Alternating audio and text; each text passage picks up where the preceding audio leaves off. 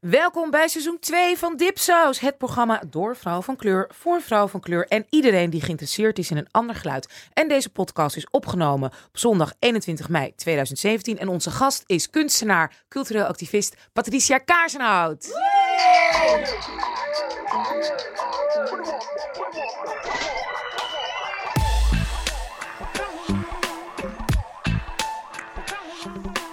Ladies and gents en non-gender conformative people, we zijn terug met seizoen 2 van de one and only Dipsaus podcast. En Ja, het is ja, geweldig ja, ja. om weer met jullie in de studio te zitten. Ja. We zeiden net al alsof we nooit weg zijn geweest. Ja, zo voelt Maar ik heb jullie toch heel erg gemist. Mm.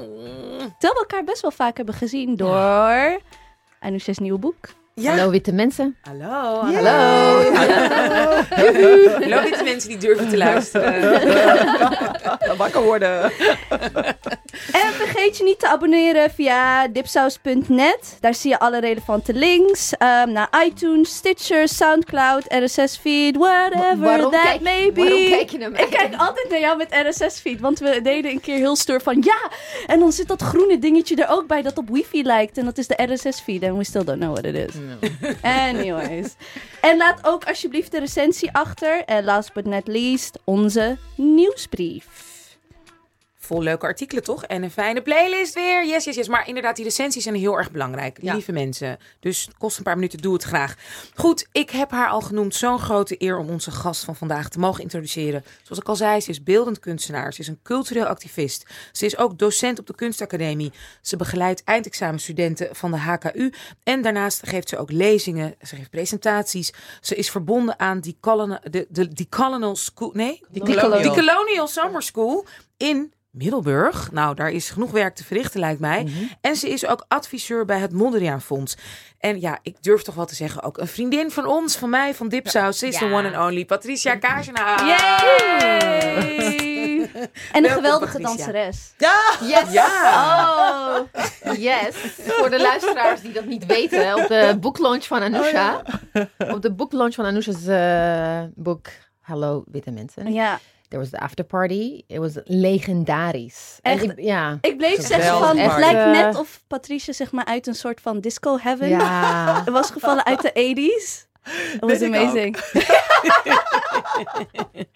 Eruit gerold. Op een gegeven moment kom je op een leeftijd dat je erg stil blijft staan in de tijd. Dus eh, Bizar met sommige dingen wel. Ja, ik- sommige ja, dingen, ja, ja. ja, ja. Ja.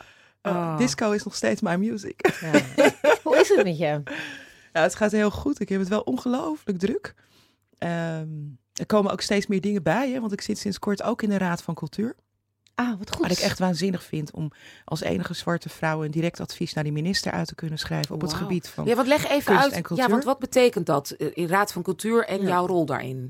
Nou, we zitten met een hele commissie ehm, en eh, we praten over verschillende aspecten eh, binnen het culturele landschap. Dus dat gaat over artistieke waarden, over economische waarden, het gaat over ehm, eh, cultuuronderwijs. En ehm, ja, we bespreken al die dingen. We kijken van wat is er nou de afgelopen jaren gebeurd? Wat, waar wringt het? En we praten ook over diversiteit hè, in het culturele landschap. Hoe erg dat eigenlijk nog, ehm, ja, wat er nog aan schort ook. En, en dan wordt er op een gegeven moment een advies naar de minister uit, toe uitgeschreven. En meestal wordt dat ook aangenomen door de minister. Ook al is het nu, is de minister demissionair, Ja. zullen juist altijd eh, dan toch nog een advies achterlaten. Zodat de volgende minister eigenlijk meteen door kan gaan. Want het gaat over nu OCW dan, toch? Aan dat ministerie geven Ja, jullie je, ja, eh, je advies. Ja, Jet Bussemaker. Die heeft een aantal vragen gesteld. Eh, en, en wij, gaan daar nu, wij zijn daar nu al wekenlang mee bezig om daar ja, een goed advies over te formuleren. En omdat ik een zwarte vrouw ben en Charles Landvlucht is de enige zwarte man, kunnen wij twee verschillende paradigma's eraan toevoegen die anders over het hoofd worden gezien. En dat Ja. merk je nu al. Dus eh, Want hoe groot is de groep met wie je bij eh, het wisselt, maar we hebben een vaste kern van, ik geloof ongeveer twaalf mensen, als ik het goed heb. En er komt altijd een gast bij, die dan weer vanuit zijn expertise iets toevoegt. En ehm, ja. En wat waren de vragen die Jet had eh, gesteld? Of mag, Eh, mag dat nog nee, niet? dat eh? mag ik nog niet zeggen. Oh, nee, want we zijn nog bezig. En, ehm, eh, dus ja, dat, dat mag je nog niet in de openha- openbaarheid brengen. Nee. Maar waar, was je blij met de vragen? Mag je, kan je, mag je over zeggen, daar wel iets over vertellen? Wat je van de vragen vond? Nou, sommige vond ik, ehm, achterhaald en albollig, dat zeg ik heel eerlijk. Dat ik dacht, nou, dat stadium zijn we toch inmiddels al ja, voorbij. wauw. Oh. Eh, en daar was ik ook niet de enige in. Dus eh, daarin hadden we nog wel zoiets van, nou, ehm, het is wel frappant dat eh, eigenlijk, en het gaat met name over beeldende kunst. Hè? Dus ik, ben, ik zit in de sectie beeldende kunst. Mm. Natuurlijk, theater is weer een ander eh, gebied. Ehm, ja, daarvan waren heel veel vragen ja, lastig te beantwoorden, omdat we eigenlijk al in een heel andere fase zitten. Dus, eh, maar dat is ook wel weer goed, want dan kun je daarin ook weer op reageren Ja. naar de minister toe. Om te laten zien van ja, maar daar zitten we nu. We zitten, ja, vraag die gesteld wordt is al lang al niet meer relevant. En ze is demissionair nu, hè, de minister, maar ze is nog wel betrokken en bezig met beleid. Of ik stel me zo voor dat ze een beetje zo la la la. Oh, nee. My last days here. Mijn laatste paar dagen, voetjes op bureau. Let it Ja. burn. Ja, ik, ik weet niet precies wat ze aan het doen is. Ik weet wel dat ze nog eh, actief is. Ze was in Venetië bij eh, de opening van de film van Wendelin van Olburg, het Nederlands paviljoen. Waar ze Bij de vond- Biennale, toch? bij de Biennale. Ja. Waar ze vond ik best wel een goede toespraak heeft gegeven. Ehm, we waren eigenlijk allemaal aangenaam verrast. Het was bijna een unapologetic toespraak Van Jet over Bussemaker. van Jet Bussemaker over het koloniale verleden. Zij Ja. heeft, zij- haar man is van kleur of Ja, een zwarte ja, ja, man? Surinaamse Weet je wat? ze. Surinaamse man. Ja. Ze Surinaams heeft het- Hindoestaans of Surinaams zeg maar Creools? Dat durf ik niet te zeggen. Volgens mij Creools, want ze had het er wel over dat de voorouders van hem tot slaafgemaakte waren. Dus dat het Ja. ook wel iets is wat heel erg leeft in haar familie. Of in hun familie. Ja, ja. En ehm, ze had het over de pro- problematiek van een dubbele culturele identiteit. We- Waar natuurlijk verwijzen naar haar dochter. Ja, een dochter. Eh, en dat ze ook wil dat haar dochter eigenlijk in vrijheid kan opgroeien. En ja, kan zijn wie ze wil zijn. Je kunt het ook teruglezen trouwens. Bij de Rijksoverheid kun je, oh, kunnen we kun je de toespraak eh, Ja, terugvinden. gaan we plaatsen op site, hè? de Ja, ik kan hem wel eventjes Ja. naar jullie toe sturen. Ja, graag. Dus we waren eigenlijk wel, ja, ik vond het eigenlijk voor een minister, vond ik het best wel een gewaagde toespraak op dat podium. En ze is wel actief nog. Maar waarom doet ze dat niet in Nederland of doet ze dat wel? Waarom doe je het niet in het buitenland, denk ik dan? Oh, ze heeft het wel in Nederland ook gedaan hoor. Ja, ook wel. Ik heb haar wel een paar keer dit soort dingen horen, horen zeggen. Maar kijk, ik ben, ehm, ik vind het altijd nog te weinig. Ik wil altijd Ja. dan nog een stap verder. Ja. Omdat ik zelf al een stap verder Ja. En dan vind ik het allemaal nog heel erg voorzichtig. Ja. En, ehm, en ik had in Venetië had ik het gevoel van, oké, ze heeft nu een stapje verder gezet. Ah, oké, Ja. dat is goed. Dus dat Dit was echt een stap. Ja, dat was Ja. echt wel een stap. Geweldig. Top. Ja. Super interessant. En straks nog zoveel meer van Zoveel meer Patricia. van Patricia, Maar we gaan yes. door naar onze shout-out en burns. Nou, onze shout-out en burns, onze vaste segment van... eh, en een van mijn favorieten is... ehm een shout- een shout-out is eh, iets dat echt eh, tof is. En een burn mag eh, down the drain. Yes, wie wil beginnen? Ja, ik wil wel beginnen, if you don't mind. Oh, en ze gaat strekken. Oh god. Zich uit, Ehm, oh my lord. Mijn, mijn shout-out gaat uit naar Flavia Sudan. Yay! Zij was een van onze gasten geweest in de e- eerste seizoen. Ze heeft een eh, artikel geschreven in de Washington Post. Heb je dat gelezen? Heb je dat meegekregen? Eh, ze heeft een, artikel, een opinieartikel geschreven in eh, de Washington Post... naar aanleiding van dat eh advertentieboycott eh, tegen geen stijl. Mhm.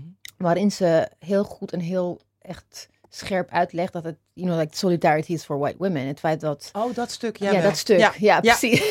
Ik moest even denken welke, Ja. want er was Ja. nog iets geplaatst in de buitenlandkrant over Ja. Sylvana. Maar nee, Ja. oké, ja. Ja, ja. dat was de New York Times. Ja. ja. Dat is dus de, de stuk dat launched a thousand meltdowns. Dus mijn shout-out gaat naar eh, Flavia. Het feit dat zij het eh, voor elkaar heeft gekregen om eh, het geheel Dutch intelligentia echt do- letterlijk de gordijnen in te jagen. Maar de gehele intelligentie, ja, er, niet- was wel iets van backup toch ook? Nee, er, er was ook backup, maar in de sens van like, de mensen, de echte smaakmakers, waarvan je denkt van oké, ik dacht dat jullie gewoon brain cells hadden. Die, die reageerden allemaal gewoon op, op de, de usual way. Gewoon heel Mhm. erg van ja, wie is ze, waarom en ze snapt het niet. En, Mhm. en het is ook een soort van introduction of um, Flavia to the Dutch mainstream media. Ze kennen, heel veel mensen kennen haar niet. Terwijl ze echt al jaren Precies, Ja. Geweldige opiniestukken Ja. schrijft. Internationaal is Internationaal, het. ja, En dat, ja. dat stuk inderdaad, eh, wat is het? My, my feminism will be intersectional. Or Or- it's or bullshit. Or it's bullshit, dat is echt, Ja. dat Ja. kent bijna, internationaal bijna alle feministen Ja. kennen dat. Ja. En Maar hier toen, is het eh, niet bekend, het is toch echt ja. bizar, ja. En het feit dat haar werk ook gewoon eh, aangehaald wordt door heel veel, en niet alleen eh, scholarly work, maar ook non- non-scholarly work, gewoon the whole, Mhm. the world over. Mhm. En hier is ze gewoon niet, in die zin is ze niet bekend bij de mainstream media. En nu ineens heeft ze kennis gemaakt met Flavia, dus Yeah. Dat is mijn shout-out. En Ja. mijn, ehm, mijn burn is eigenlijk ook een soort van, ja, het is een verkapt, verkapte burn eigenlijk. En eh, ik moet de mic recht voor me houden. I'm a bit rusty. Ik ben een beetje bang voor. Ik, ja. Ehm, het is it. eigenlijk. ik wil ook gewoon, ik wil, ik wil het positief benaderen. Ik wil een applausje voor Een Nederland. positieve burn. Ja, een krijgen we posi- applausje voor Nederland dat ze Flavia hebben ontdekt. They should be happy with her. Ja. ja, maar dat Ja. is ook zo. Een kritische Ja. denker. Ja. ja. Ja. Op internationaal niveau, dus ik ze be, be happy for her. Dus het is gewoon, ja, dat is dat ik, I think my eh, positive. Mhm. Je positive burn. Ja. Maar hoe zeg je dat? Ze brengt wel de vuile was. eh, hoe Ze hangt je? de vuile was buiten. Ja, die. die. Ja. En ik denk dat Nederland juist zo hard heeft gewerkt aan het, you know, wat ze ook in haar artikel zegt, tolerant, yay, eh, prostitutes en dit en dat. En alles mag hier. En dan, kom, en dan komt vervelende Flavia, die niet eens, eh, die niet, eh, en eh, ik heb niet, die niet eens Nederlands is. En dan gaat ze allemaal dingen zeggen over Nederland, hoe verkeerd het is en na, na, maar we doen het toch juist hartstikke goed. Mhm. En ik merk dat ook zelf als je, als ik in, eh, meest van mijn tweets zijn in het Engels en het wordt gewoon niet gewaardeerd. Je houdt dat gewoon even lekker in Nederland. Maar zodra je zeg maar Washington Post, Al Jazeera English of wat dan ook, ja, dan, dan, dan is het wel echt heel vervelend. ook, kijk, ik heb ook het idee dat met Flavia, net zoals met alle andere eh, opinionated people of color, especially women of color, we worden in de gaten gehouden. Door de media, with like certain journalists, die houden gewoon in de gaten wie wat zegt en wat, wat er speelt. En het wordt, soms word je dan benaderd om iets te doen of eh, te modereren of eh, te komen opdraven of input te geven voor dit of dat. Of een kopje koffie te komen drinken. Ja, kopje koffie consultancy of interview waar uiteindelijk eh, NRC ook dat hele debakel, de dipsaus is ontstaan vanwege... eh, Ja, ons een een interview Ja. met NRC met een deel Ja. van ons. Jij Ja. bent daar toen uitgestapt. En Dus zo maar- elkaar maar in- leren kennen. Ja, en Ja. dus ik denk dat heel veel, er zijn heel veel mensen die Flavia kennen, Mhm. but they can ignore her. Zolang ze niet in het Nederlands eh, zich mengt in het publieke debat, Ja. je kan heel makkelijk gewoon doen alsof ze niet bestaat. Nu kunnen ze dat niet meer, because it's Washington Post. Ja, en ik denk En ook dat dat, vind ik echt fantastisch. En ik denk ook dat media, zeg maar, ehm, opinionated, zeg maar, ehm, opiniemakers in Nederland en vooral dan vrouw van kleur, juist alleen willen gebruiken voor de clickbaits. Van dan zeggen ze iets notorious en dan Mhm. is het leuk en dan gaan mensen klikken, maar zonder in acht te nemen van wat de boodschap is Mhm. en ehm, wat voor een verandering er moet komen in, eh, in Nederland. Ja. Maar Nederland heeft een naar binnen gekeerde blik. En dat merk je zodra je in het buitenland bent. Nederland zelf, in Nederland, Nederlanders ne- denken dat ze heel wat voorstellen op het internationale toneel. En dan kom je in het buitenland en dan praat je met buitenlandse denkers. En die zien Nederland helemaal niet staan. Die vinden Nederland helemaal niet zo'n Maar wel, interessant toch land. nog wel heel erg tolerant en weet Eh, heel veel, vaak voetbal. gezellig. en Voetbal. ja. Precies. Voetbal, Ja, ja. En, eh, maar Ja, intellectueel gezien niet. Helemaal we niet. zijn totaal irrelevant Totaal niet relevant. ja. Totaal niet. Ja. Ja, als het gaat, als je zegt je komt uit Nederland, dan gaat het over coffeeshops, het gaat Ja. over tolerantie, het Johan gaat nog Cruijff. steeds over Johan Cruijff. Ja. Ja. En, en, eh, ja, en over voetbal, misschien kaas en molens nog. Maar daar houdt het wel zo'n beetje bij op hoor. Ja. Ja, Maar intellectueel klopt. staat Nederland niet zo voor in, veel voor in het buitenland. En hier denkt men van wel. Ja, en het enige, eh, I mean, the only person wie dan in die top 100 lijstjes kwam, is Ayaan Hirsi Ali. En daarbuiten, they have no clue.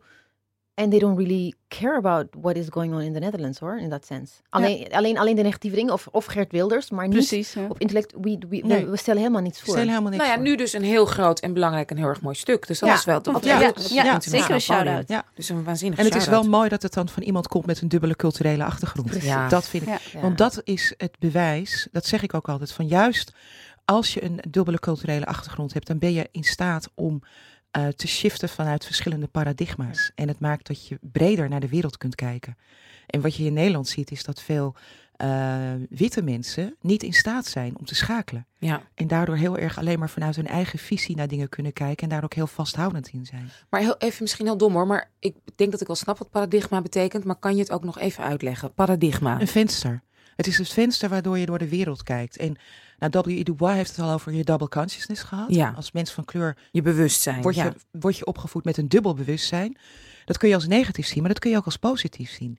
Want ehm, ik zeg wel eens tegen mijn studenten, tegen mijn studenten van kleur, gebruik het als een kracht.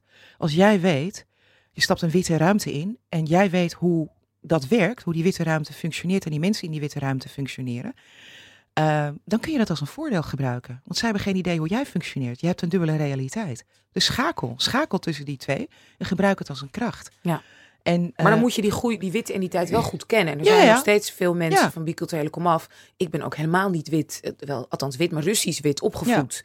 En dat moet je ook leren. je hè? moet En- leren. En, ja, het is observeren. doorgronden. Het is Ja. doorgronden, het is observeren. Ja, maar het is wel een soort Ja. van, door, door eh, white supremacy is dat wel echt, ehm, waar je ook komt op de wereld, is dat wel heel vaak de default. Zeg maar, de, de, ste- de, de, de, Zogenaamde neutrale de, de, standaard. do- ja, De, de dominante standaard inderdaad. Vandaar dat, ik, eh, dat, dat je tegen iemand kan zetten als je van bi- biculturele achtergrond hebt. Van, dat je wel zomaar de agency hebt om iets te zeggen in Nederland. Maar als een wit persoon in Marokko is, dan denk ik, oh, Mhm.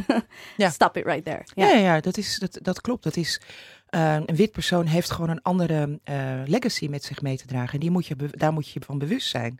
En eh, eh, binnen de decolonial theories zeggen we wel eens... we need to humble down the dominant cultures. Ja. Ja, You ja. know, we need to humble them down. They, need to, they don't need to be silenced.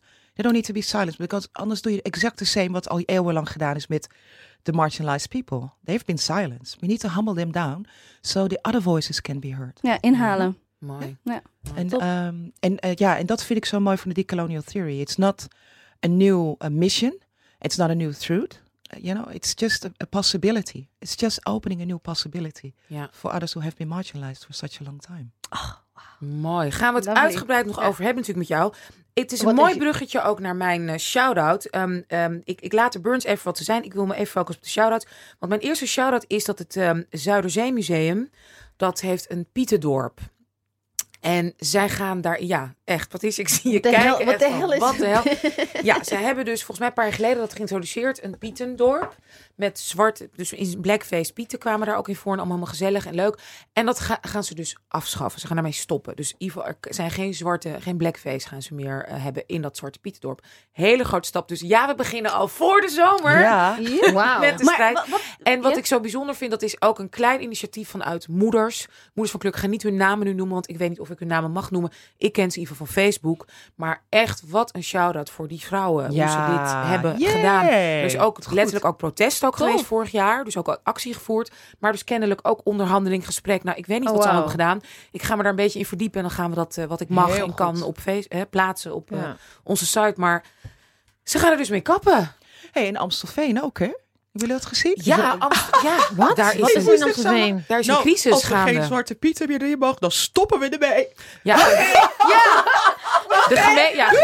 gemeente, gemeente, Am gemeente Amstelveen heeft gesteld van nou, we, we doen niet meer eh, zo min, eh, in ieder geval niet alleen maar blackface pieten. Ze Ja. willen ook gewoon gemengde pieten en ook een beetje die overstap maken die Amsterdam maakt. En dus het comité dat dat dan organiseert, die zeiden van nou, dan doen we het niet meer. Prima. Dus gemeente Amsterdam heeft inderdaad gezegd, nou jammer, maar dan dus niet inderdaad. Dan gaan we op zoek naar een nieuw comité.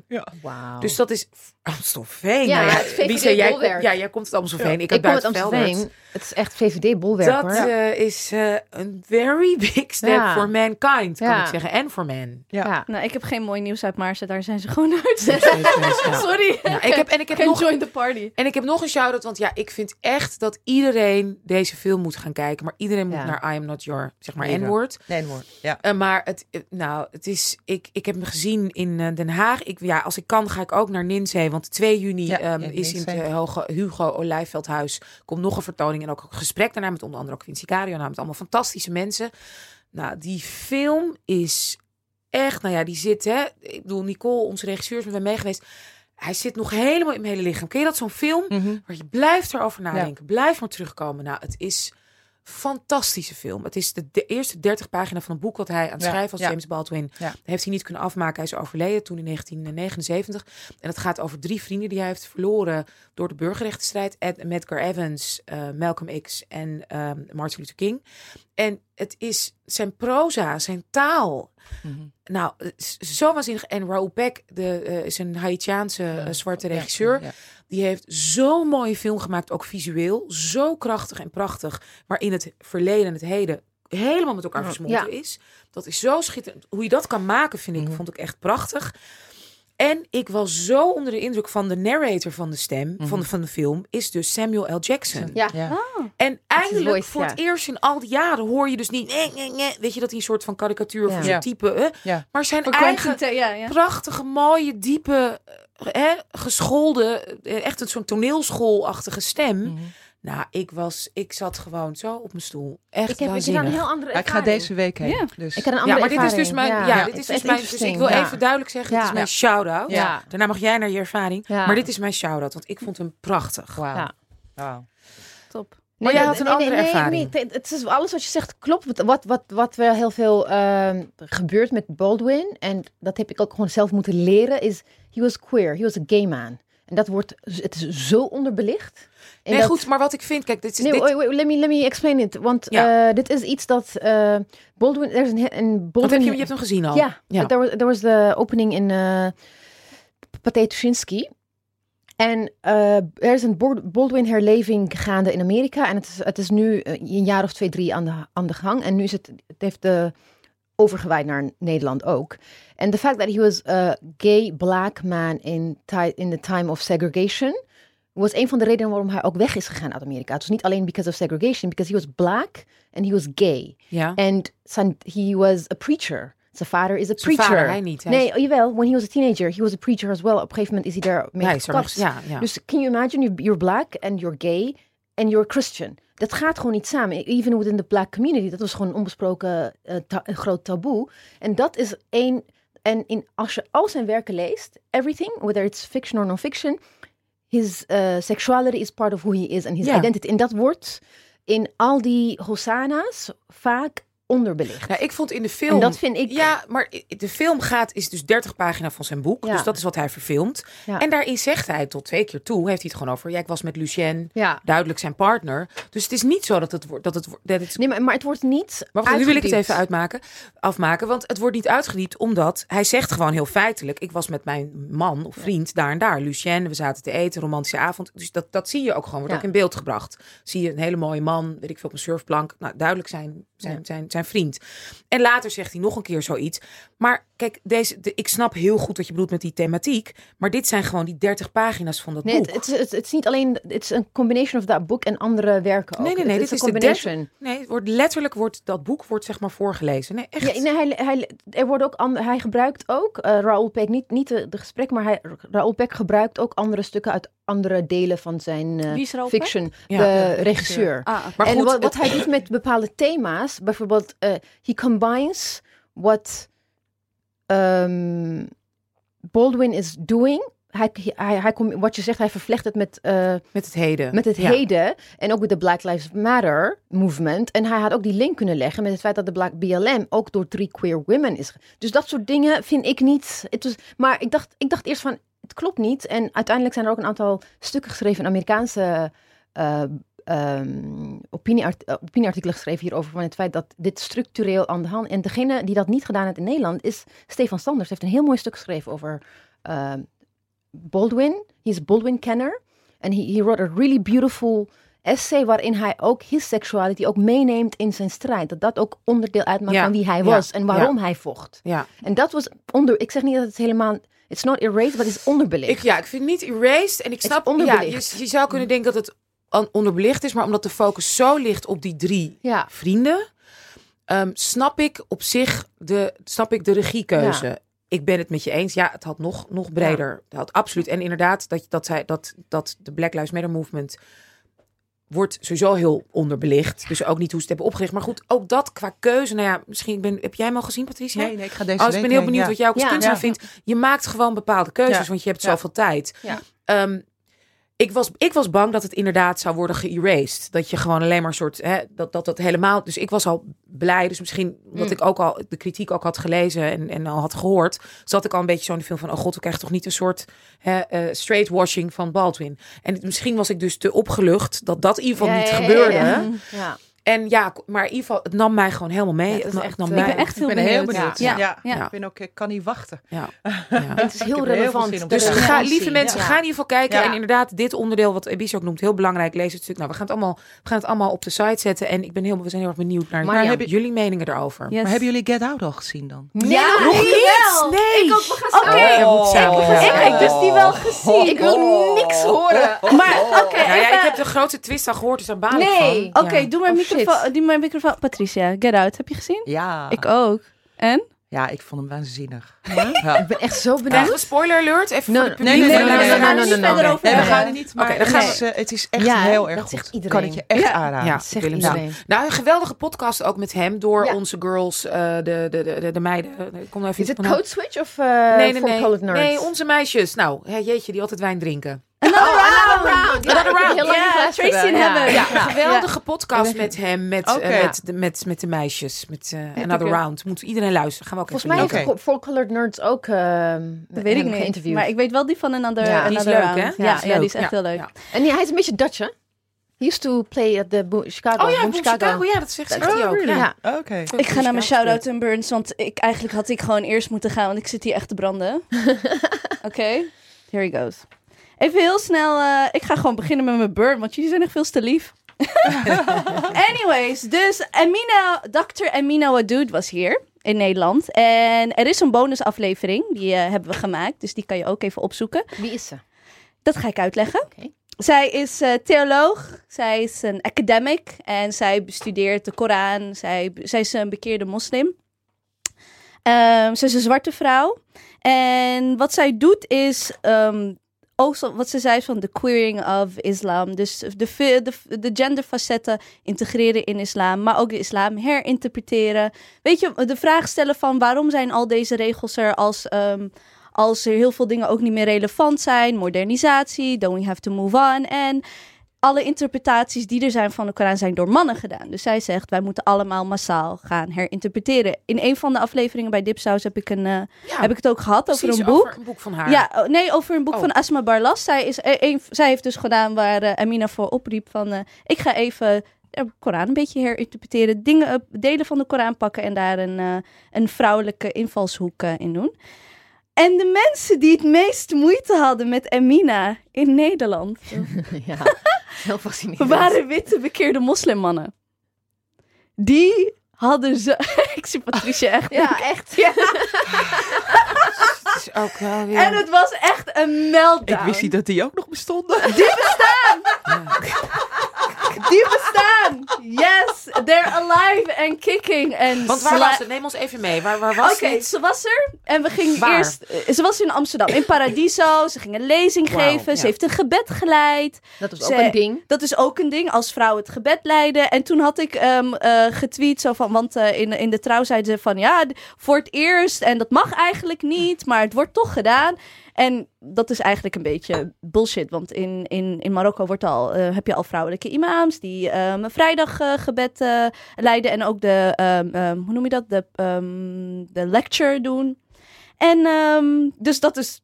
Hey, Dus dat bestaat Dus dat al, bestaat klaar, al. ja. Dus dat wordt in, eh, in Marokko wordt dat gedaan. Ehm, natuurlijk is daar ook wel protest of wat dan ook, maar het is niet voor het eerst. Maar Amina die ehm, ging dat dus ook in Nederland doen. En toen waren er ook heel veel. ehm, het was ook in Paradiso, was er een kamertje en daar ging zij het gebed leiden. En dat werd echt binnengevallen door witte journalisten, door een eh, feministische witte vrouw met een camera die altijd overal vooraan zit. Guess who? En dus waar dus op een gegeven moment was ik aan het tweeten van Amina Wadood is echt een, een voorbeeld voor zoveel vrouwen van kleur die de islam her willen interpreteren. Die vinden van, hé, hey, maar waarom mag ik dan niet ehm, gaan bidden wanneer ik mijn menstruatie heb? Waar komt dat vandaan? En in een bonusaflevering ook bij, eh, bij Dipsaus heb, ehm, heb, ik, heb ik dat eh, fragment waar zij het erover heeft, heb ik erin gezet. Waar ze zegt van, it's about the blood flow. Dus vroeger kon je dat niet controleren. Dus als je liep kon je letterlijk lekken. En ja, dan ga je een moskee in en dan wordt het een, eh, hè, dan wordt het een ozooitje en dat soort dingen. Maar nu hebben we al die materialen. Nu kunnen we dat controleren. Dus moeten wij dan niet, don't we have to revisit these, weet je, deze... Ja, een hele legitieme Ja, ja. vraag. Ja. Ja. Precies, maar dan heb je dus eh, een paar eh, eh, witte mannen die een moslim zijn en een beetje conservatief en een beetje moeite mee hebben, die dan in mijn mentions op Twitter komen van ja, maar islam is geen opinie en islam is niet dit en islam is niet dat. Maar interpretatie is toch juist een heel fundamenteel deel van... Precies. Van de islam? Ja, maar je hebt dus echt een groep. En het, mijn probleem vaak met witte moslim mannen of vrouwen is dat zij cultuur willen ehm erasen van religie. Terwijl mijn islam heel Marokkaans is. Dus er zit veel religieuze zang in. Er zitten van allerlei instrumenten in. Er zitten groepen vrouwen die zingen. Ehm, er zijn allemaal tradities. Wij, de Ramadan is, eten we net iets anders. Ehm, je hebt bijvoorbeeld Shiiten die wat langer vasten. Wij doen het echt stipt wanneer je echt geen zon meer ziet, maar er nog wel licht is. Denken wij van, ah, zon is onder, klaar. Ja. ja. En ook onze bruiloften zijn anders. Terwijl witte moslim-Nederlanders, die hebben dat niet. Die hebben niet dat culturele invulling van, van de religie. Met bitterballen. Ja. Nou, het is ook de traditie, denk ik. Hè? Ze hebben die tradities niet meegekregen. Nee. Precies. En eh, vaak als je dan tradities niet hebt meegekregen, dan ga je eh, ze fixeren. Dan ga je datgene wat je kent, ga je fixeren. Terwijl tradities, eh, als we dan terugkeren naar de Zwarte Piet discussie, dat moet je nooit zien als iets vast omlijnd. Tradities zijn er om te veranderen en Ja. mee te gaan met de tijd. Hè? En, Ja. en ook te bevragen, wat is de oorsprong eigenlijk van die traditie? Ja. Waar komt die vandaan? En klopt die nog? Ja. Hè? Klopt die nog met nu? Ja, en daar heb je dus heel veel in, in, in de islam, waar het altijd door mannen is geïnterpreteerd, kan je gewoon heel veel vraagtekens erbij zetten. En wat zij letterlijk zegt ze, is van de female body can't be the exception. Dus het is niet altijd, oké, dit is een regel, maar als je vrouw bent dan ABCD. Ehm, en heel veel, zeg maar, conservatieve moslims hebben daar heel veel problemen mee uh, om dat te herinterpreteren.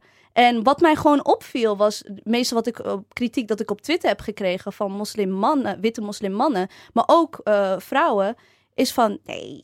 Nee, nee, nee. Een vrouw, de stem van een vrouw, dan mag je niet zingen en al helemaal niet over God en dat soort dingen. Terwijl wij dat decennia hebben gedaan. Dus we hebben ook ja. gewoon geen idee. Ook geen idee, ja. ook. ja. Voor, voor, in Marokkaanse traditie is het prima als een vrouw prachtig zingt en haar nek te zien is. helemaal geen probleem. Dress up en zing. En hoe, hoe, hoe kijken andere uh, culturen, uh, islamitische culturen, tegen uh, deze uh, veranderingen aan? Nou, er, er, is, er is weerstand. Mm -hmm. um, er is weerstand vooral van um, geleerden. En dat zijn vooral mannen, een beetje oudere mannen. Uh, maar ook natuurlijk uh, van wat conservatievere moslims. Maar je hebt gewoon een veel grotere groep dat opkomt. Um, die verandering daarin willen zien. They want to revisit. Ze willen re-examen. Laten mm -hmm. we vragen stellen. Laten we kijken van... Het is 2017. Um, waarom? Uh, vroeger mocht een vrouw minder erven. Het was al een big deal dat ze mocht erven. Maar waarom mocht ze toen een derde maar erven? Oké, okay, omdat meer naar de man moest. Omdat de man de enige was die um, de gezin helemaal onderhield. Nou, nu hoeft dat niet meer. Let's, uh, let's do a fair share.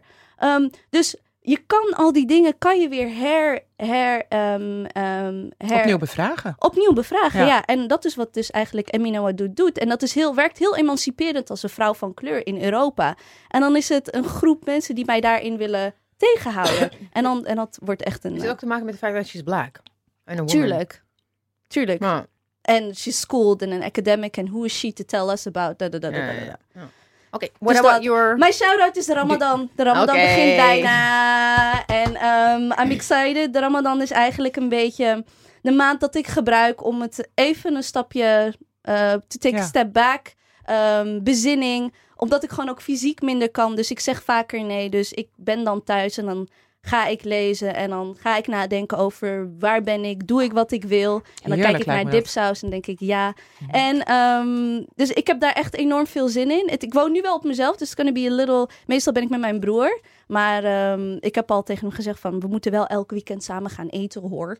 En ehm, dus ik heb daar echt heel veel zin in. En er komt natuurlijk ook een unapologetic iftar... waar we gezamenlijk weer het vasten gaan verbreken. Dat heb ik vorig jaar gedaan. Mhm. En apologetic meant van... je mag vrienden meenemen, maar niet als ze domme vragen gaan stellen. Ehm, dus dat was, dat was heel fijn bij Anousha thuis. de boel op zijn kop gezet. Ze, ze was Ja. er niet, hè? Nee, en iedereen dacht zo laat, van, ja. oh, zo lief dat je de huis van je zus mag lenen. Ik zo, yes, my sister. Precies, nou dit jaar weer, dit jaar weer. jaar Hopelijk weer. met een nieuwe keuken. Oeh.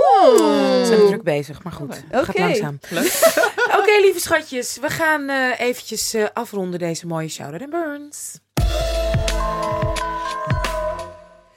Ehm, ik, eh, ja, ik ga toch even nu alvast onze fantastische partners bedanken. Als jullie het goed vinden. Want dan kunnen we daarna lekker helemaal fijn ons eh, focussen op onze supergast Patricia Kaarsenhout. Dus ik wil onze mediapartner Salto ontzettend bedanken. En natuurlijk, zoals altijd, een liefdevolle shout-out naar Revue. Die onze nieuwsbrief faciliteert. Volg hem, abonneer je. Mis geen enkele flavor van de Dipsaus. Dat kan natuurlijk allemaal via www.dipsaus.net. En laat alsjeblieft ook een recensie achter. Kost een paar minuten van onze podcast op iTunes, Stitcher of anywhere. En natuurlijk bedanken wij zoals altijd het Stimuleringsfonds voor de journalistiek die dit programma meer dan mogelijk maakt. Wij gaan naar onze gast, Patricia Kaarsenhout. Nou, ik heb je al geïntroduceerd. Hè? Je doet zo ontzettend veel. Je bent zo'n bijzondere vrouw. En um, ja, ik, ik, ik ken jou. Ik zat te denken inderdaad, hoe, hoe ken ik jou nou precies? Het voelt alsof ik je heel erg lang ken. Volgens mij heb ik je voor het eerst ontmoet via Mercedes Zandwijken. Nee, Clark. Of via Clark. Via Clark Natuurlijk, Akkoord. Clark Akkoord. Ja. Mijn super dierbare vriend. Ja. Ik nog steeds misschrijver. Ja. eh, van onder andere het eh, prachtige boek Koningin van Paramaribo. Maar mijn lievelingsboek van hem is eigenlijk Bingo. Vind ik Mhm. echt een van zijn meest geweldige boeken. Zo hebben we elkaar leren kennen. Ja. Jeetje. Dat was ook in dit gebouw, eh, bij Black Oh. Ink. Bij Black Ink, ja. Wij Ja. organiseerden toen een evenement over ja. zwart schrijven. Hoe lang geleden zwart- was dit? Ja, lang geleden. Ja, jij bent nooit geweest, heb je gezegd. ik, ik ben... Ben je wel eens aan Black Ink geweest? Nee. Nee, Ink met een K. Dus inkt. Ah, leuk. Nee, maar, I didn't know, I- Nee. maar ik wist niet dat het bestond. En hadden we ook hele leuke dansfeestjes vaak Ja. daarna. Was ook hier Ja. in Pakhuis. Was super leuk. Ja, dat was heel leuk. Daar hebben we elkaar voor het Oh. eerst gezien. Dat weet ik nog. Ja. Ja, dat Ik was- weet dat ik Patricia voor het eerst heb gezien toen ik voor het eerst naar Marxisme Festival ging. Oh ja. En toen gaf je een, eh, en toen gaf je een lezing. En toen heb ik in het publiek alleen maar zo. Mijn mond open zo gekeken naar die geweldige. Het was een. eh, je had het over. Even kijken. Je had het over met eh, slachtoffers van eh, human trafficking. Ja. Waar je een project mee deed. Ehm, Forced prostitution en female trafficking. ja. en zij Ja. moesten dingen gaan maken, toch? Nou, het was een project ehm, ehm, wat ik samen met een bevriende kunstenares Jiminy Hicknet heb gedaan. En het was op uitnodiging van het Tropenmuseum. Eh, de, de tentoonstelling Zwart-Wit. Mochten we iets doen over Ja. slavernij. Toen dacht ik, dan wil ik het over hedendaagse slavernij hebben. Omdat, ehm, ja, ik wist dat dit al speelde in Nederland. Hè. De meeste lichamen, vrouwenlichamen, worden via Schiphol gedistribueerd. En ehm, we hebben dan het Red Light District, maar vergis je niet, de zogenaamde liberalisering van de prostitutie brengt ongelooflijk veel ellende met zich teweeg. Ik ben ook niet zo'n voorstander voor vrijheid en van de sekswerker en noem maar op, want zolang er nog economische ongelijkheid is, maar ook raciale ongelijkheid, zijn dit excessen daarvan. En daar moet je eerst met elkaar over praten. Ehm, dus wij hebben, eh, eh, ik heb toen een installatie gemaakt, het heet de Mantel der Liefde heb ik samen met een van de vrouwen die ontsnapt is uit eh, gedwongen prostitutie, hebben wij een kleedgenaaid opgebouwd uit rode vrouwenkleding en ondergoed. Refererend aan natuurlijk het Red Light Ja. District, maar ook aan de erotiek die verbonden is met rode kleding. En we hebben nog een kleed van 100 vierkante meter genaaid. Die hebben we geïnstalleerd in het Tropenmuseum. En het publiek moest over die kleding heen lopen om de video-installatie van Jiminy te kunnen zien. En dat was enorm confronterend Ja. voor mensen. Want het lopen over die vrouwenkleding stond eigenlijk symbool voor het vertrappen van vrouwen. Ja. En eh, ja. toen was ik eh, in dat jaar werd ik uitgenodigd, was ik in de, op de Biennale van Dakar in Senegal. En toen had ik een gesprek met de ambassadeur. En die vroeg aan mij van, goh, is er een project wat jij hier zou willen doen? Want binnen de ambassade doen ze veel sociale, cultureel-sociale pro- projecten. En toen zei ik, nou, ik zou wel een preventief project willen doen. Want ik dacht dan van, ja, als de vrouwen in Nederland zijn, is al te laat. Maar als je in de regio kunt waarschuwen, dan, eh, ja, dan kun je misschien heel veel leed voorkomen. Dus dat is gelukt. En we hebben toen eh, honderden vrouwen bereikt. Eh, we hebben met tolken gewerkt. We hebben de verhalen, de echte verhalen, waar gebeurde verhalen van de vrouwen die hier terecht zijn gekomen en ontsnapt zijn voorgelezen. Dus ook om de vrouwen te laten weten, dit is wat er gebeurt als je onder valse voorwendselen naar Europa wordt gelokt. Ehm, het was heel triest, want iedereen in de groep, er waren heel veel groepen en er was altijd wel iemand of een paar vrouwen die eh, iemand kende die verdwenen was. Waarvan ze niet wisten waar die was gebleven. Nou, dan weet je eigenlijk al genoeg. En de, of de Franse krant, of de Senegalese kranten, sorry, hebben er. De drie grootste kranten hebben uitgebreid aandacht aan het onderwerp besteed. En wat gebeurt er dus met de Nederlandse krantenmedia? Eh, alleen het AD heeft een kort artikel geschreven over dat de Nederlandse ambassadeur in Dakar de slipjesambassadeur was. Omdat hij rood ondergoed had Geplaatst in eh, de ambassade. Dat is het enige wat er over geschreven is. Niets over de problematiek, niets over de ellende, helemaal niets. En ook niets over het aandeel van Nederland in deze problematiek. Want Nederland, sorry, Vertel, wat is het niet- aandeel? Wa- wa- Wat, weet je Eh, daarvan? Wat- er wordt heel weinig gedaan. Er wordt heel weinig gedaan om dit probleem wezenlijk op te lossen, omdat het overgrote deel van de vrouwen vrouwen van kleur zijn, die men niet wil hebben. Dus je moet je voorstellen, je bent eh, ontsnapt aan je onderdrukken, je hebt de meest afschuwelijke dingen meegemaakt. Dan ontsnap je, je komt in het politiebureau, het eerste wat je ziet zijn twee witte mannen. Ja. En je spreekt de taal niet. En wat doet dat met je als je maandenlang, jaren, misschien wel een jaar lang of langer onderdrukt bent door witte mannen. Het zijn de eerste die je ziet. En dat zijn dan ook nog eens mannen die eigenlijk gewoon geen verstand hebben van uh, hoe getraumatiseerd deze vrouwen zijn. Ehm, nou, om, dat is een voorbeeld. Uh, verder uh, wordt er ook vanuit de wet weinig gedaan. Weinig gedaan om dit probleem aan te pakken. Het probleem van prostitutie is nog steeds een probleem van vrouwen. Terwijl ik er een voorstander van om, net als het Zweedse model, het probleem bij de mannen neer te leggen. Dus de mannen te criminaliseren. Dat lost het niet op, maar het zorgt wel dat je een andere ethische discussie met elkaar gaat hebben. Maar kan dat niet ook naast, want wij hebben hier in de podcast ook een sekswerker gehad. Die ja. helemaal gewoon geheel vrijwillig, uh, hoog opgeleid, maar uh, jonge vrouw die, die kiest voor dit werk. Die dit mhm. fijn werk vindt om te doen. En dit graag op een veilige manier wil doen. Is dat los te koppelen van elkaar? Want zij hè, zat hier bij ons aan tafel en pleitte juist van ja, natuurlijk, je hebt die kant. Maar je hebt ook hè, mijn kant, hè, wat, wat zij doet. En dat wordt ook bijna onmogelijk gemaakt. Ik vind het, dat vind ik, ik heb er heel van geleerd door, want ik kwam ook uit. Ja, ik ken die gesprekken ook en ik heb ook met die mensen gesproken. Maar wat ik gewoon problematisch vind, daar nog steeds aan vind, is ehm, dat er in mijn optiek te weinig op onderzoek, wezenlijk onderzoek is gedaan naar hoe vrij die keuze is. Hoe vrij is die echt? Uh, en... Maar bij haar is hij zeg maar vrij. En voor haar is het bijna onmogelijk om op een veilige, gezonde, legale manier ja. ja. haar werk te doen. Ja. Ja. ik vind het heel lastig. Zolang er nog een hele grote groep vrouwen is. En het is een hele grote groep vrouwen. Groter dan, uh, uh, dan men wil toegeven. Die vanuit die ongelijke positie. Ehm, en vanuit die armoedepositie, vanuit die ongelijke positie, ook vanuit die raciale positie, ehm, in afschuwelijke omstandigheden terechtkomt, moeten we het eerst daarover hebben. En um, kan niet gelijk met elkaar. Ik weet het niet. Ik, vind denk dat het een stukje maatwerk is. Ik denk dat het heel erg lastig is om dat gelijk te trekken, omdat uh, de excessen zo extreem zijn, echt zo extreem. Uh, als je daarin gaat verdiepen. En er wordt zoveel geld mee verdiend. En het gaat over zoveel lichamen. Nee, dat, dat, ik, ik, dat, ik, ik, moet, ik kan er niet eens aan over nadenken. Maar ik, ik, ik bedoel, hè, ik ben natuurlijk ook uh, half Cameroens. Ik, ik ken de verhalen natuurlijk ook persoonlijk ook. Maar ik hoop gewoon zo dat als je in ieder geval helemaal de decriminaliseert en vrouwen die dit willen doen, in ieder geval hun werk gewoon kunnen doen. Want wat ik heel interessant vond, wat onze gast ook vertelde, is er zijn ook vrouwen die inderdaad gewoon kiezen om dit gewoon vijf jaar te doen. Voor inderdaad, de, hè, misschien niet de meest, zeg maar, ehm, ambitieuze, emotionele redenen. Maar zoals je ook praktisch kan besluiten te gaan werken keihard vijf jaar in de horeca of iets. Mhm. Ik heb in New York keihard gewerkt in de horeca, zodat ik acteerlessen kon volgen. Dat was een hele bewuste keuze.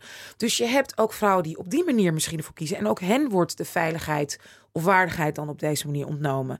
Ik, voor mij was dat wel, ja, nou ja, goed, jij, jij, jij zit er natuurlijk in, in die nou, Het is, het is, kijk, het, het is nog steeds vanuit een positie van ongelijkheid. Want je bent een onderdeel van een dominante cultuur, waarin jij dus de keuze hebt om dit soort dingen te doen, ten koste, indirect, van een hele grote groep vrouwen die niet een onderdeel zijn van die dominante cultuur, maar uitgebuit worden door die dominante cultuur. Ja, ja, ja. Heb je dus, ik, ik ben voor, uh, ik vind zolang dat nog niet, nog niet goed zit, hè, zolang uh, dus vanuit, hè, sinds de beval van de Berlijnse muur, is eigenlijk hè, door het, het kapitalisme heeft het helemaal wereldwijd overgenomen en is er een enorme liberalisering uh, van de prostitutie heeft er plaatsgevonden. Met alle gevolgen en consequenties van dien. In Afrika, ook in veel Oost-Europese landen. Want het gaat over allemaal vrouwen die in economisch zwakke posities zitten. En waarom zitten ze in die economische zwakke posities? Omdat die multinationals daar dingen uitspoken die niet kunnen. Dus het heeft allemaal verband met elkaar. Ja,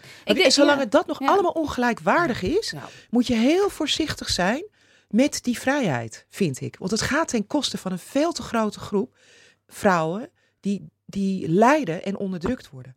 En moeten we dat toestaan voor een kleine groep die wel die vrijheid wil. Moet dat? dat ik, ik, ik zeg niet dat ik het antwoord heb. Nee, precies. Maar dat is wel een vraag die ik serieus stel en die, waar ik moeite mee heb. Ja, ja maar ik denk dus, als, if I have it correctly, je, je, je, wil, je bent niet voor om het to criminalize prostitution. Je, je wil juist dat het, uh, dat de mensen die de, de achter prostitution, de ones die aan de touwtjes trekken, dat dat daar veel meer aan gaat gebeuren. Nou, in Zweden worden gewoon de mannen die dus naar prostituees gaan, zijn ja. worden gecriminaliseerd. Dan riskeer je gewoon, gewoon meer dan een boete en zelfs ook een straf en alles. Dus dat, in Zweden gaan, wordt de klant. En uh, onze gast, uh, die vindt vond, vind dat geen eh, goede maatregel. Ja. Dat ze zeggen, je criminaliseert mensen die gewoon op zoek zijn. Ja, nou ja. Het is los van, ik snap heel, tuurlijk, ik ben het helemaal eens met wat je zegt. Ja, jezus. Maar Ik zal je een je- voorbeeld geven. Kijk, je hebt ook natuurlijk, eh, je hebt, of natuurlijk, je hebt eh, bijvoorbeeld eh, eh, mensen die gehandicapt zijn. En die wel behoeftes hebben en die, ja, en die dan ook naar een sekswerker toe gaan.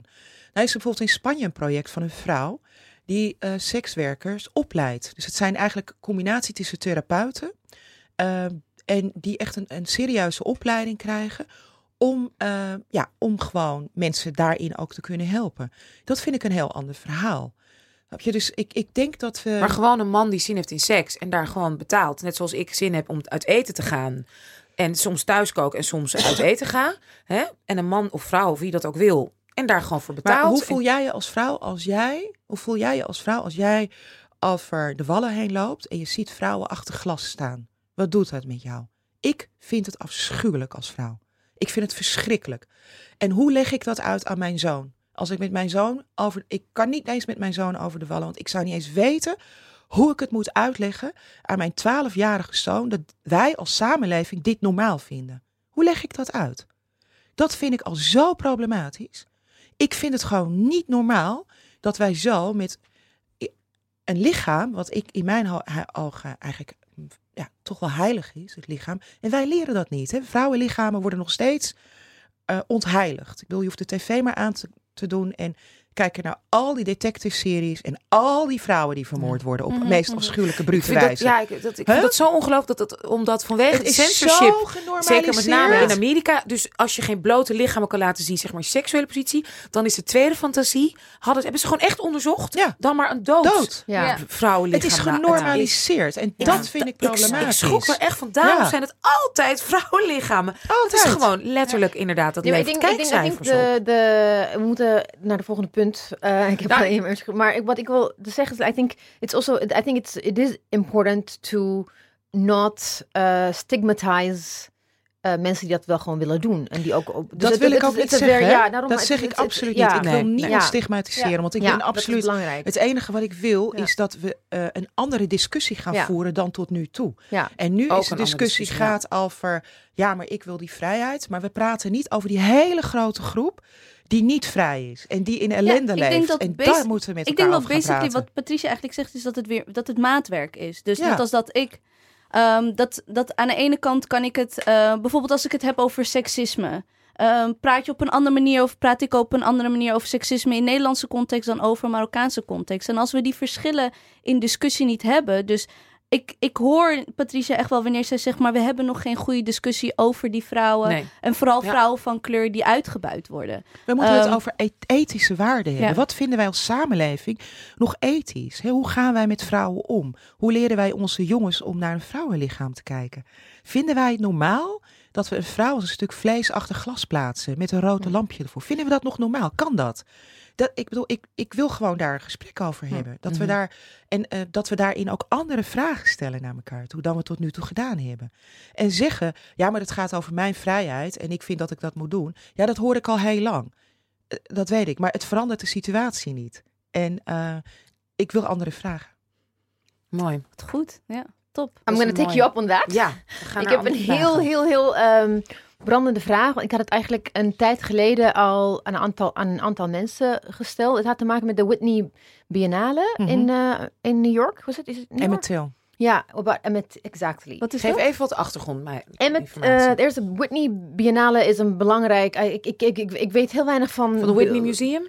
Ja, en dan ook biennales. Ik snap het allemaal niet. Ik, I like art, but ik ben echt gewoon in, in dat, wat dat. Maar het was heel veel. Het was heel. eh, er was een ophef over, omdat een witte kunstenares heeft eh, de open casket eh, foto van Emmett Till. Heeft ze. She paint. She painted it.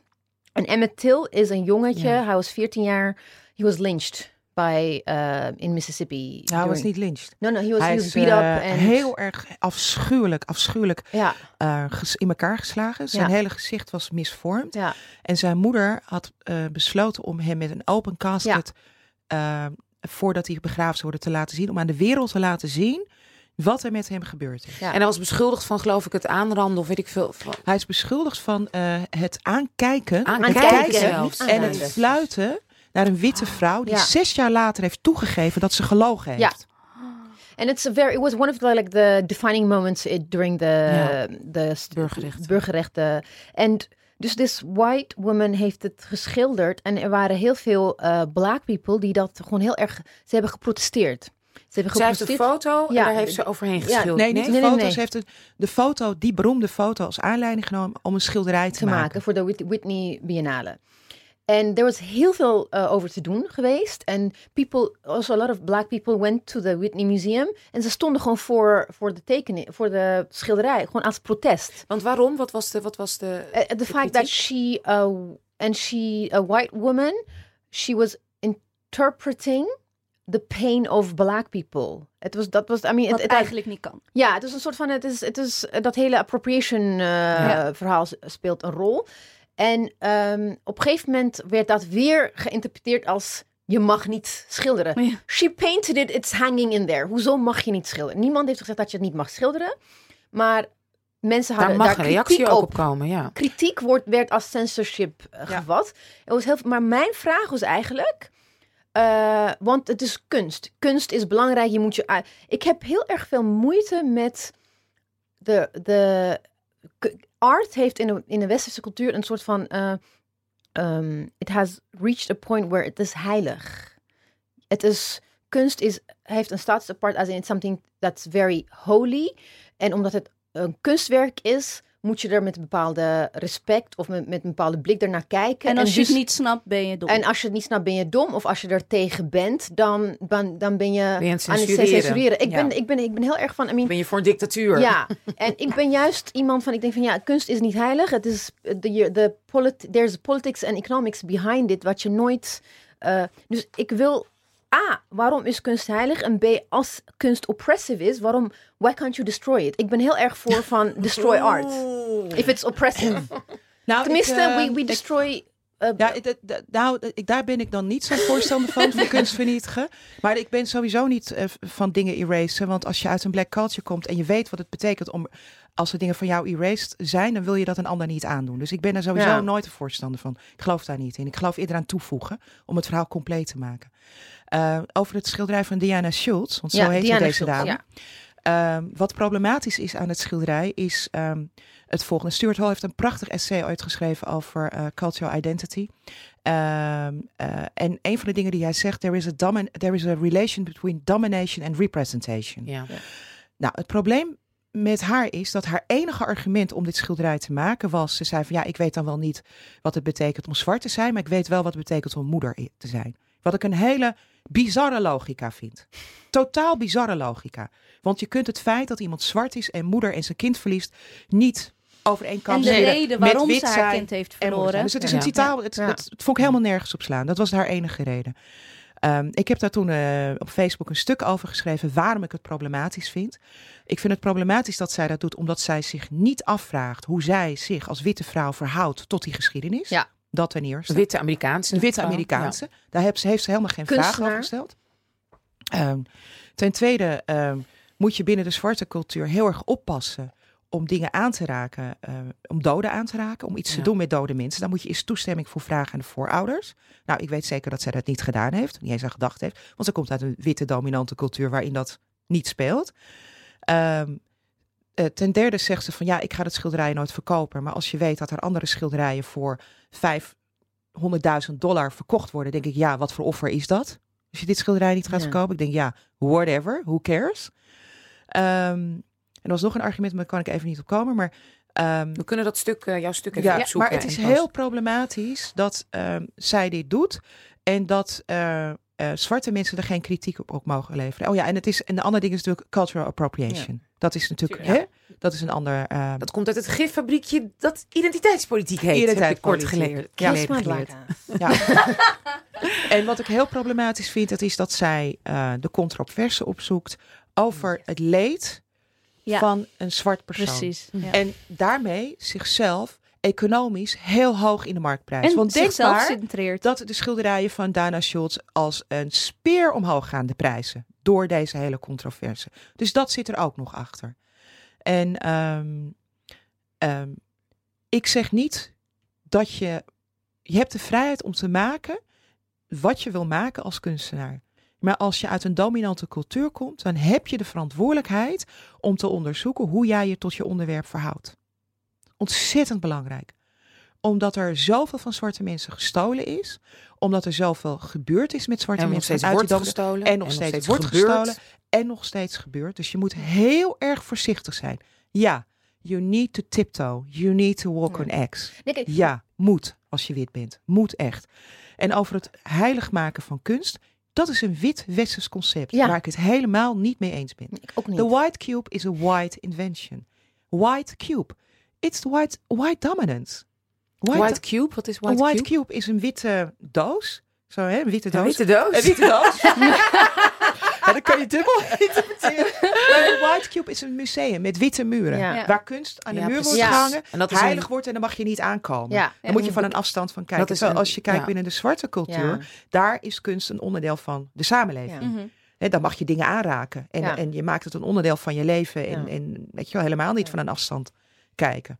Dus een to- totaal andere Kijk, de interpretatie. reden waarom ik het vroeg is bijvoorbeeld with, eh, met eh, ehm, de Rhodes Must Fall eh, beweging in. Zuid-Afrika. Mhm. Studenten. Van op studenten straat. like, there was in, in that university waar standbeeld van Cecile Rhodes, gewoon one of the biggest colonial neergehaald, of Africa. En ze hebben het neergehaald. Dus in die zin denk ik van, als je dat, als je een standbeeld weg kan halen, waarom niet? Tenminste, niet per se this Di- Diana Schultz eh, painting, maar painting waar heel veel eh, pijn of, of, of oppression achter staat. Er zijn genoeg dingen te verdenken. Not necessarily destroyed, maar waarom Want wordt dat ja. wel gewoon heilig? Maar waarom, kan, ja. Hoezo is het onaanraakbaar? Waarom kan je niet, why can't you deface it? Dan maak je ook een andere soort kunst van. ja, en kan het ook niet een soort van manier zijn to, to, to heal? Ja, Maar kijk, dat beeld van Cecil Rhodes. Hè, wat je nu ziet, er is nu een tendens gaande waarin alles uit dat koloniale verleden uit het landschap wordt gehaald. Daar ben ik geen voorstander van. Want wat je straks krijgt is een nieuwe generatie die Oh, niet ja. weet wie Cecil. Rhodes is. Maar het kan toch ergens anders dan staan? Je kan, misschien hoeft het niet op de universiteit, maar in net als mutileer, met- mutileer dat beeld. Ga met een blikopener, ga dat ding open, openmaken met elkaar als een vorm van healing. ja. Dat ben Maar- ik met je eens. Destroy it of doe er iets mee.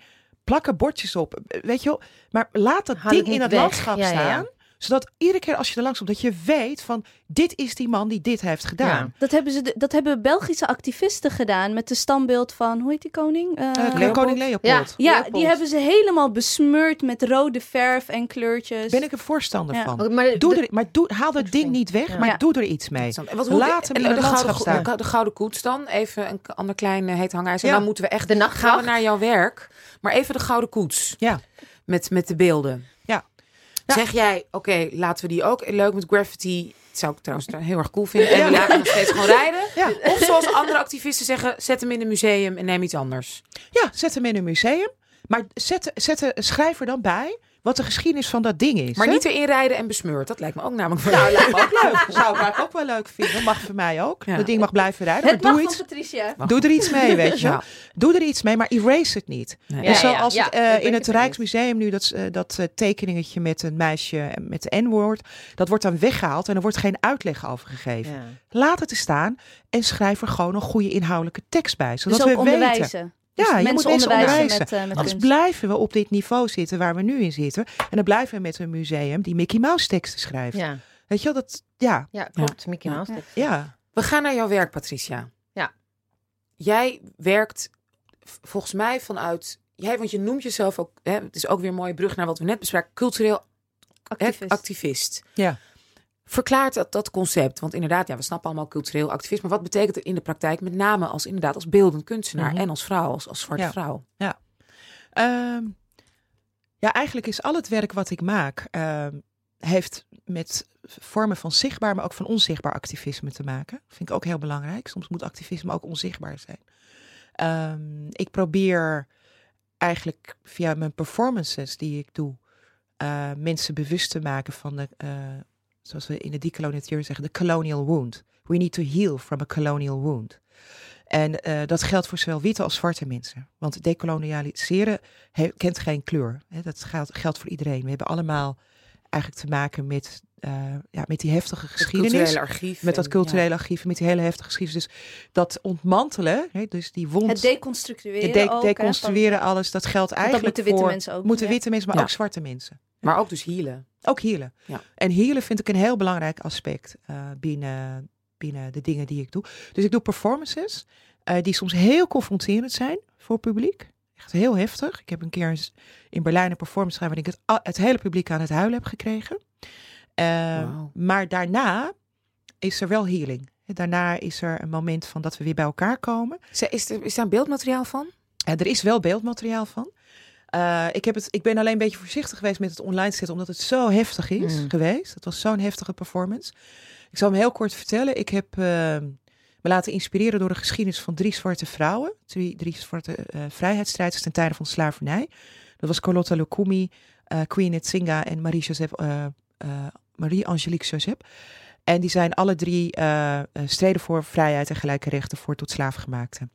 En eh, ik heb hun verhaal met elkaar verweven en heb ik een performance eh, over gemaakt waarin ik mensen uit het publiek op mijn rug laat zitten. Terwijl ik een verdict voorlees uit de 17e eeuw van Marie eh Joseph Angelique, die levend verbrand is. En ik heb het originele verdict gevonden. En het is echt afschuwelijk. Als je die tekst leest, is het totaal bureaucratisch. En ik laat dan ook zien ehm, het geweld van taal. eh, bureaucratische taal die afstand neemt van afschuwelijke daden. Ja. Door, de, door, door bureaucratische taal. Dus door die tekst te lezen en tegelijkertijd mensen op mijn rug te laten zitten terwijl ik die tekst lees. I make them, eh, eh, I make them in a way complicit.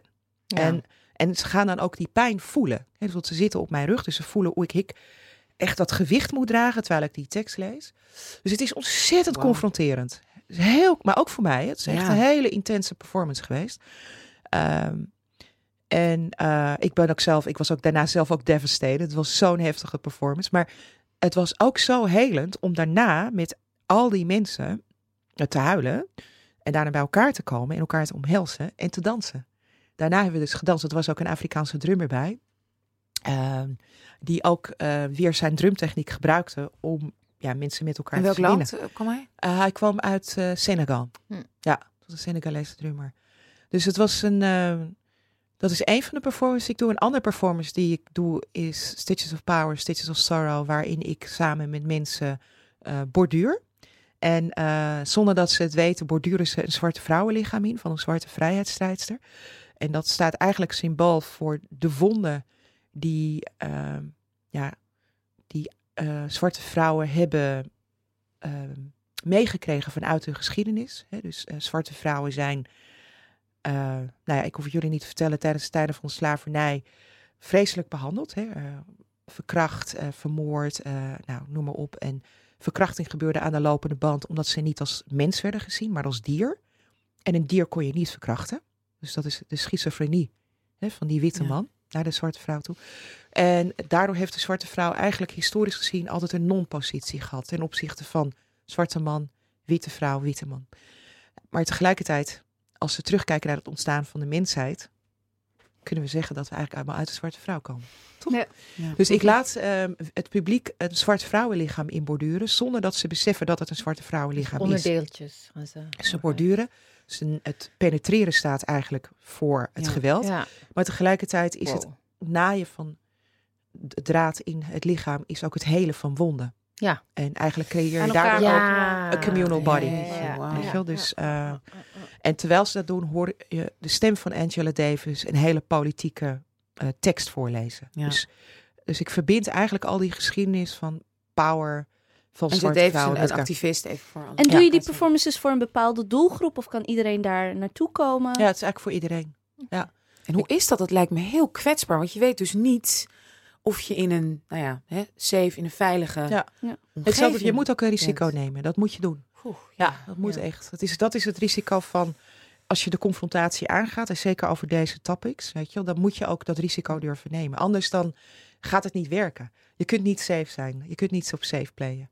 Hoe is het nu in Nederland, eh 2017, to be black en een kunstenares in Nederland? How- hoe is het klimaat?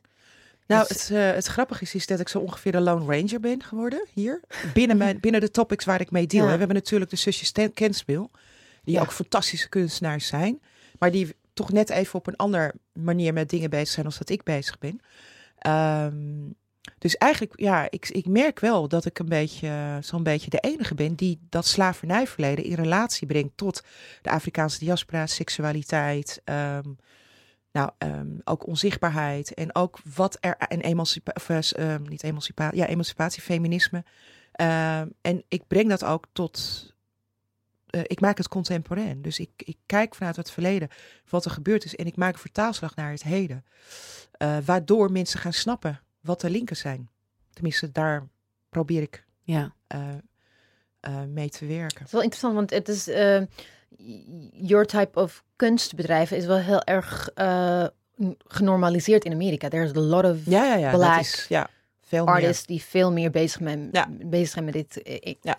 Een van de Karen Walker. Karen Walker. Walker, voor Ja, is één dat ik echt to- top of mind ken. Is, echt Ja. fant- is ze ooit naar Nederland? Is ja, er... ik heb wel eens een show van haar hier gezien. Ja? Bij het Ninsee notabene, bij het Ja. oude waren serie 7 drukken van haar. ja. Eh, En heeft ze haar ooit, hebben ze haar ook ooit hierheen gehaald? Of do you know? Because Nee, niet dat ik weet. Ja. Nee, ik weet wel dat het Museum Arnhem heeft een hele mooie Ja. collectie aangekocht van haar. Mooi werk. Eh, het is ook het enige museum. ja, Ehm, ja, Nederland loopt gewoon hopeloos ja achter. precies. Het gebied. Echt, Echt, eh, hopeloos. ja, Het is echt heel erg. op alle niveaus. Ja, ik Als je zie na- alleen nu een klein beetje spoken word dat een beetje woke is. Ja. Ja. Nou, als je nagaat dat... ehm kijk, in Amerika heb je gewoon een hele andere kunstscene. hè. Eh, je hebt bijvoorbeeld de familie Rubel. Dat is een hele rijke familie. Ehm, en die hebben ooit een show gemaakt, 30 Americans. En het was een hele politieke show, want er waren alleen African Americans. Maar ze heten, expres heette die show 30 Americans. Al die 30 Americans zijn nu de best verkopende kunstenaars ter wereld. Ja, ja, ja. 17. Wauw. 17 van hun zijn de best verkopende kunstenaars ter wereld. Geen één museum in Nederland Doet zoiets. doet Ja. iets of koopt iets of Nee. Ongelooflijk. Ja. Net als dat James Ja. Baldwin dus niet is vertaald in het Nederlands. Nee, wel vroeger. Ja, vroeger, maar al lang print. niet meer. Ja. Nee, ik heb wat Ja. Wa- waar als mensen nu eh, luisteren naar de, naar de podcast en ze willen jouw werk zien, waar kunnen Ja. we snel naar jouw Ja. werk kijken? Ik weet nog dat na, nadat ik jou dus voor het eerst heb gezien, heb ik je hele website uitgepluist. En Oh er ja. zat ook een, eh, en je hebt ook een filmpje, er zit ook een filmpje in eh, waar, ik zal het nooit vergeten, dan heb je een, ehm, heb je een, een, een zwarte vrouw die dan, ehm, die is eerst wit en die wordt dan eh, zwart volgens Oh mij, ja. of juist andersom. En, ehm, en dat geeft dan met, met spoken words. Ehm, dus vertel ze, waar kunnen ze al je werk vinden? Ik weet het al, maar Ja, ik vertel heb natuurlijk een website, www.pkaarsnout.com, maar ik heb 29 juni de opening van eh Guess Coming to Dinner 2. En ehm, dat is een eh, kunstproject waar ik heel lang aan eh, werk, samen met groepen vrouwen in Bos en Lommer. Eh, het is eigenlijk een kritisch citaat op een belangrijk kunstwerk uit de jaren 70 van Judith Chicago, die de Dinner Party heeft gemaakt, waarin zij ehm, ehm, vrouwen uit de ge- geschiedenis eert. Ja. Maar alleen ze heeft vrouwen van kleur over het hoofd gezien. Dus ik ben nu bezig om een commemoration tafel te maken. eh, voor, door, met eh, vrouwen. eh, waarin 36 vrouwen van kleur worden geëerd. Eh 29 juni is de grote opening. En in tegenstelling 29 juni. 29 juni. Ja. En waar? Eh, in Wow. En Wow is een community center in Bos en Lommer. Oké. Zie je mensen, dus jullie moeten echt onze nieuwsbrief checken, want hier komt alles in Ja. te staan. En nu Gaan we naar de DDD's. En- Wat zijn de DDD's? Heb je enig idee? Nee? Ah, leuk. Het, is, eh, het staat voor eh, dansen, drinken of dipsausen. Ah. Dus dat zijn de drie D's. En met eh dipsausen betekent het betekent eigenlijk gewoon wat wij, wat wij doen when we're non- together. je- dat is de persoon met wie je non-stop, eh, non-stop gaat appen, foto's gaat sturen van je lunch, van je kinderen, van Oh ja. dronken om drie uur. dronken om uur s'nachts, stuurt. selfies. Geheimpjes deelt. eh, soms ruzie ook hebt gewoon over de app. En dan Oh ja. dan gaan bellen. En oh, er was God. niks aan de hand. Dus, Nou, Ik vond je gewoon een beetje bot, ja, maar Ja. dus WhatsApp. Ja, dus Je krijgt drie namen voorgeschoteld. Ja. En je moet verplicht kiezen met wie je wat gaat doen. Dus met wie ga je dansen, drinken of dipsausen. Oké. En, en eh, ook zeggen waarom je dat En waarom. Eh, we hebben Dr. Dre, Sylvie Meis en Vincent van Gogh. Ja.